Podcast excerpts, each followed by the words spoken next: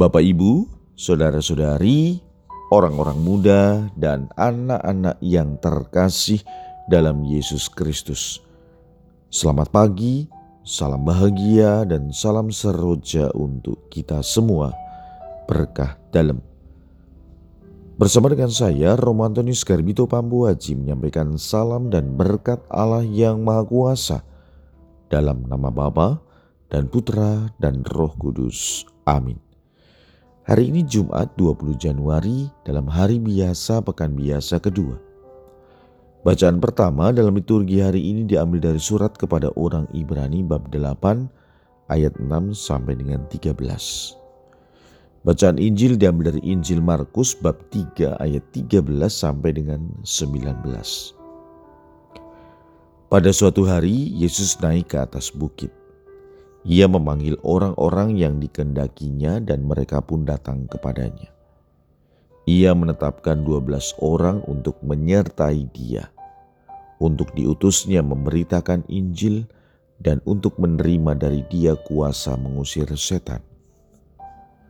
Kedua belas orang yang ditetapkannya itu ialah Simon yang diberinya nama Petrus, Yakobus anak Zebedius, dan Yohanes saudaranya. Yang keduanya ia beri nama Boanerges yang berarti anak-anak guru.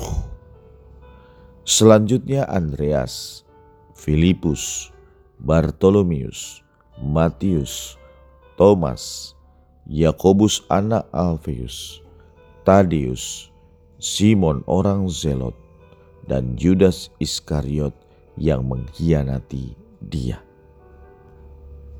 Demikianlah sabda Tuhan. Terpujilah Kristus. Saudara-saudari yang terkasih, kisah Injil yang baru saja kita dengar mengandung makna bagaimana kita dipanggil oleh Tuhan Para murid dipilih oleh Tuhan ada 12 orang. Tugas pertama mereka pertama-tama adalah menyertai perjalanan Yesus. Dan dengan demikian mereka dipanggil untuk berbagi seluruh hidup mereka dengannya.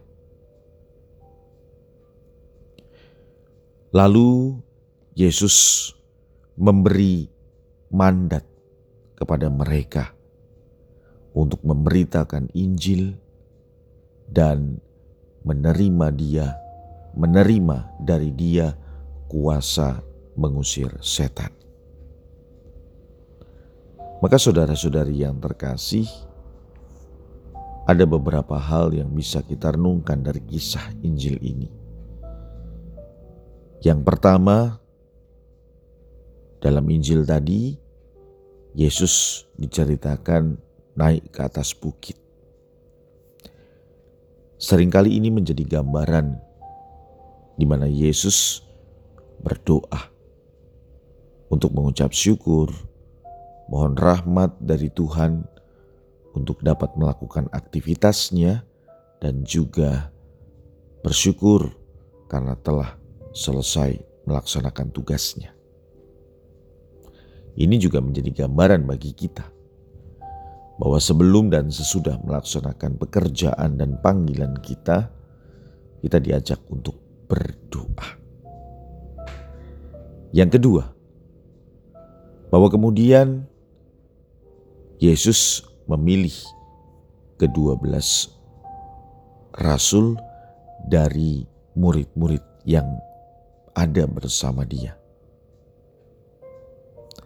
Ini menjadi gambaran bahwa mereka dipanggil dengan namanya masing-masing.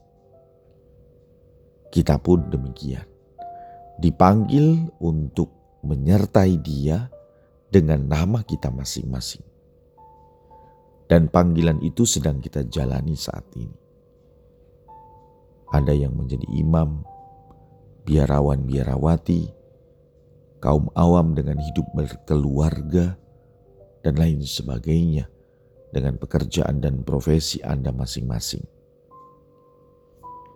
Dan yang ketiga, saudara-saudari yang terkasih, jelas kita dipanggil oleh Tuhan untuk senantiasa menyapa juga sesama kita. Marilah kita berdoa.